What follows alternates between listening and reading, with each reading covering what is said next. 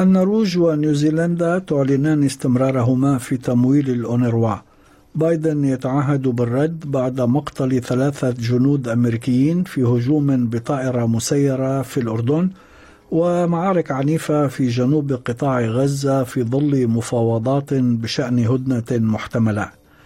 حكومة نيو ساوث ويلز تتجه نحو سن قوانين تحظر التحية النازية في الولاية على خلفية تظاهرات النازيين الجدد نهاية الأسبوع الماضي. قتيل في هجوم مسلح على كنيسة إيطالية في إسطنبول وداعش يعلن مسؤوليته عن الاعتداء.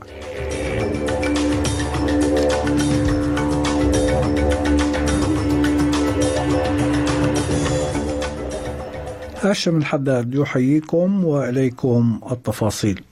أعلنت النرويج ونيوزيلندا وهي من الدول المانحة الرئيسية لوكالة الأمم المتحدة لغوث وتشغيل اللاجئين الفلسطينيين الأونروا أمس أنها ستواصل تمويل الوكالة رغم الشكوك حول تورط بعض موظفيها في هجوم حركة حماس على إسرائيل في السابع من تشرين الأول أكتوبر الماضي. وكانت الولايات المتحدة سارعت بعد اتهامات إسرائيلية يوم الجمعة الماضي لعدد من موظفي الوكالة بالمشاركة في هجوم حماس إلى وقف تمويلها للأونروا وتبعها عدد من الدول من بينها ألمانيا وأستراليا وإيطاليا وفنلندا وبريطانيا. وردت الأونروا على الاتهامات الإسرائيلية بطرد الموظفين المتهمين ووعدت بإجراء تحقيق شامل واتخاذ إجراءات قانونية إذا ثبتت مشاركتهم. ولكن إسرائيل أعلنت رغم ذلك أنها ستمنع الوكالة من مواصلة العمل في غزة بعد الحرب. واعتبر رئيس الوزراء الفلسطيني محمد إشتيا أن قرار تجميد تمويل أونروا يمثل عقابا جماعيا للشعب الفلسطيني مشيرا إلى أنه يتعارض مع مواقف محكمة العدل الدولية الأخيرة. إن الهجوم الإسرائيلي على الأمم المتحدة وخاصة الأنروا هو هجوم انتقامي بسبب الشهادات والبيانات الصادرة عنهم والتي استخدمت في المحكمة الدولية لإدانة إسرائيل. إن تجميد مساعدات الأنروا هو تعطيل لقرار المحكمة الرامي لزيادة إدخال المساعدات الإغاثية لقطاع غزة وسيكون له آثار مدمرة في نفوس المحتاجين من أهلنا هناك. على خط آخر تعهد الرئيس الأمريكي جو بايدن أمس بالرد بعد مقتل ثلاثة جنود أمريكيين وجرح 34 آخرين في هجوم بطائرة مسيرة على قاعدة في شمال شرق الأردن حمل مسؤوليته لفصائل مدعومة من إيران. وأعلنت وزارة الدفاع الأمريكية أنه تم نقل ثمانية جنود جرحى إلى مستشفى عسكري خارج الأردن بسبب خطورة إصاباتهم. من جهته الناطق الرسمي باسم الحكومة الأردنية قال في بيان أن الهجوم على القوات الأمريكية استهدف موقعا متقدما على الحدود مع سوريا يضم قوات أمريكية تتعاون مع الأردن في مواجهة الإرهاب. وكان الناطق أعلن في وقت سابق أن الهجوم لم يقع داخل الأراضي الأردنية مضيفا أنه استهدف قاعدة التنف في سوريا. وهذه هي المرة الأولى التي يقتل فيها عسكريون أمريكيون بنيران معادية منذ بدء الحرب بين إسرائيل وحماس في قطاع غزة. في غضون ذلك تواصلت أمس المعارك العنيفة في جنوب قطاع غزة بين مقاتلي حماس والفصائل الفلسطينية الأخرى والجيش الإسرائيلي الذي قال أن قواته الخاصة تخوض اشتباكات ضارية في مدينة خان يونس مؤكدا أنها قتلت إرهابيين وعثرت على كميات كبيرة من الأسلحة كما أعلن عن تنفيذ غارات أيضا في وسط قطاع غزة وشماله. وتدور المعارك خصوصا حول مستشفيي الناصر والأمل اللذين يعملان بشكل جزئي فقط ويؤويان آلاف النازحين الفارين من القصف والحرب. وكانت صحيفة نيويورك تايمز الأمريكية ذكرت أمس أن مفاوضات تجري بهدف التوصل إلى اتفاق يتضمن هدنة لشهرين وإطلاق سراح جميع الرهائن بالإضافة إلى الإفراج عن أسرى فلسطينيين في سجون إسرائيل. تتجه حكومة نيو ساوث ويلز لسن قوانين تحظر التحية النازية على خلفية قيام مجموعة من النازيين الجدد الملثمين بتنظيم سلسلة تظاهرات في سيدني نهاية الأسبوع الماضي. وأشاد رئيس حكومة الولاية كريس مينز بتصرف الشرطة الحازم مع المجموعة المذكورة ولكنه أضاف أن هناك حاجة لتشديد القوانين الحالية.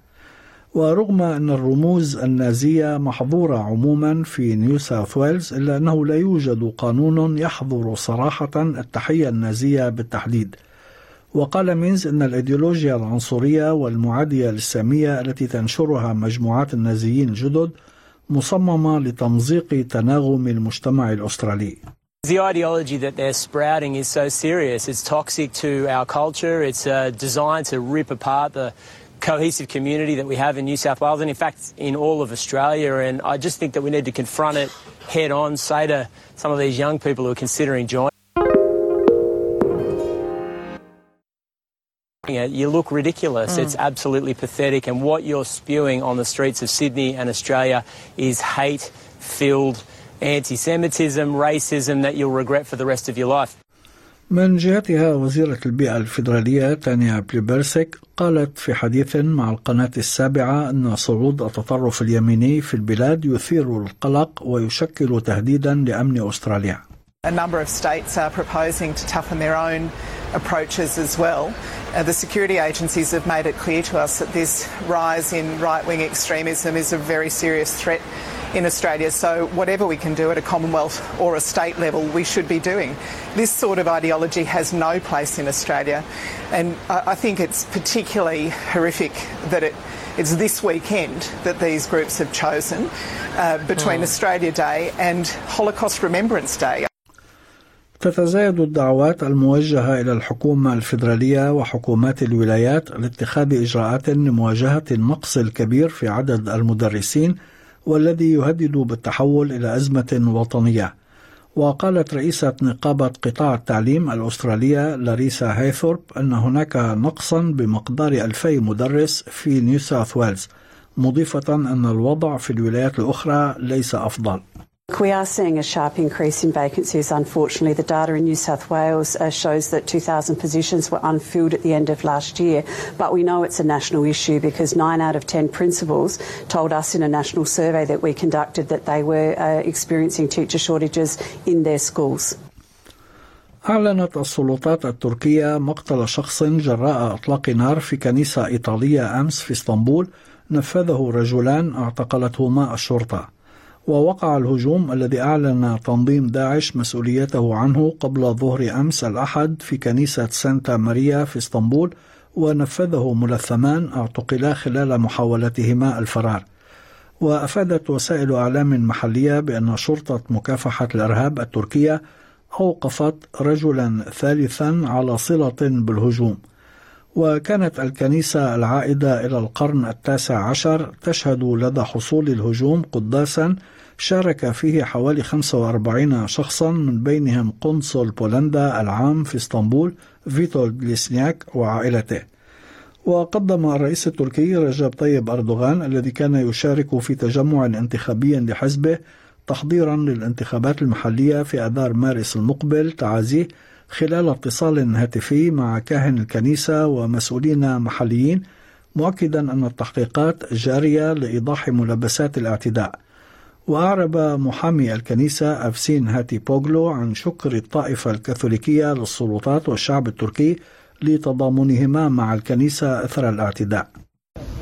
Gelen iki maskeli kişi Two masked people who came to the Mass deliberately and knowingly raided the Mass and carried out this heinous attack. All elements of the Republic of Turkey are investigating this wild and barbaric attack with messages of kindness and respect for the Church. We thank our state's support at this stage and offer our condolences to the Catholic community especially and to our nation.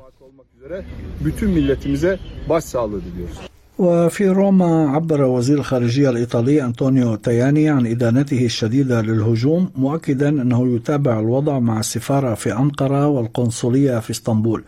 ويشار إلى أن السلطات التركية أوقفت الشهر الماضي 32 شخصا يشتبه بارتباطهم بأعضاء في تنظيم داعش كانوا يخططون لشن هجمات على كنائس ودور عبادة يهودية والسفارة العراقية في تركيا. في أخبار الرياضة توج الإيطالي يانيك سينر المصنف رابعا عالميا بأول ألقابه الكبرى بعد فوزه أمس بلقب بطولة أستراليا المفتوحة وهي أولى البطولات الأربع الكبرى في كرة المضرب بعدما قلب تأخره بمجموعتين ليهزم الروسي دانييل ميدفيديف الثالث ثلاثة ستة ثلاثة ستة ستة أربعة ستة أربعة وستة ثلاثة على ملعب رود ليفر في المواجهة النهائية. ويعد مواطن سينر أدريانو باناتا آخر إيطالي يفوز بلقب إحدى بطولات كرة المضرب الكبرى وذلك بإحرازه لقب بطولة رولان جاروس الفرنسية عام 1976 وهذه هي المرة الثالثة التي يبلغ فيها ميدفيديف نهائي بطولة أستراليا بعدما خسر سابقا أمام الصربي نوفاك ديوكوفيتش عام 2021 ثم الإسباني رافائيل نادال عام 2022 في أسعار العملات وصل سعر صرف الدولار الأسترالي في التداول اليوم إلى 65 سنتا أمريكيا. حالة الطقس المتوقعة غدا في أديلايد مشمس 28 درجة بريسبن ممطر وعاصفة محتملة 27 هوبارت مشمس 25 داروين أمطار متفرقة 32 بيرث مشمس 36 درجة.